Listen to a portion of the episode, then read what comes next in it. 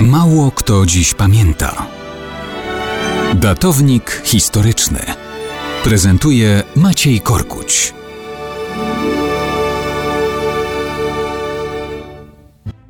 Mało kto dziś pamięta, że 25 stycznia 1882 roku, a więc równe 140 lat temu, usłyszał wyrok zabójca Garfielda. Nie, nie, to nie żarty żadne. Nie chodzi o kota Garfielda, ale o jak najbardziej poważne wydarzenie. Charles Guiteau urodził się we Freeport w Illinois. Nie wiem, jak sam czytał swoje francuskie nazwisko.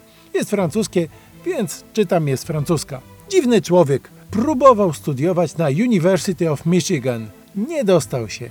Wiązał się kilkakrotnie z jedną z równie dziwnych sekt. Próbował być wydawcą gazety. Nie szło mu, więc został prawnikiem.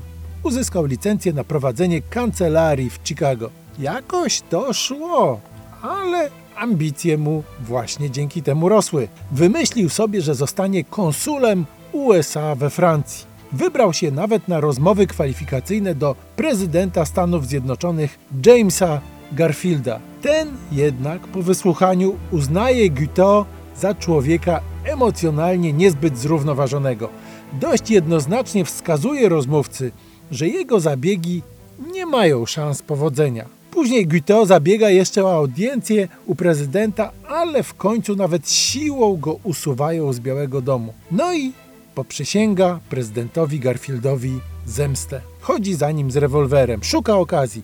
W końcu 2 lipca 1881 roku podchodzi do idącego ulicą Garfielda i strzela mu dwukrotnie w plecy. Takie to były czasy. Ciężko ranny prezydent jeszcze przez dwa miesiące walczy o życie. Przegrywa, umiera we wrześniu. Dlaczego on chciał mnie zabić? Zdążył zapytać o Guiteau. Odpowiedzi nie było. Guiteau został szybko pojmany. Już w listopadzie staje przed sądem. 25 stycznia 1882 roku słyszy wyrok. Śmierć przez powieszenie. Pół roku później wyrok na zabójcy Garfielda wykonano.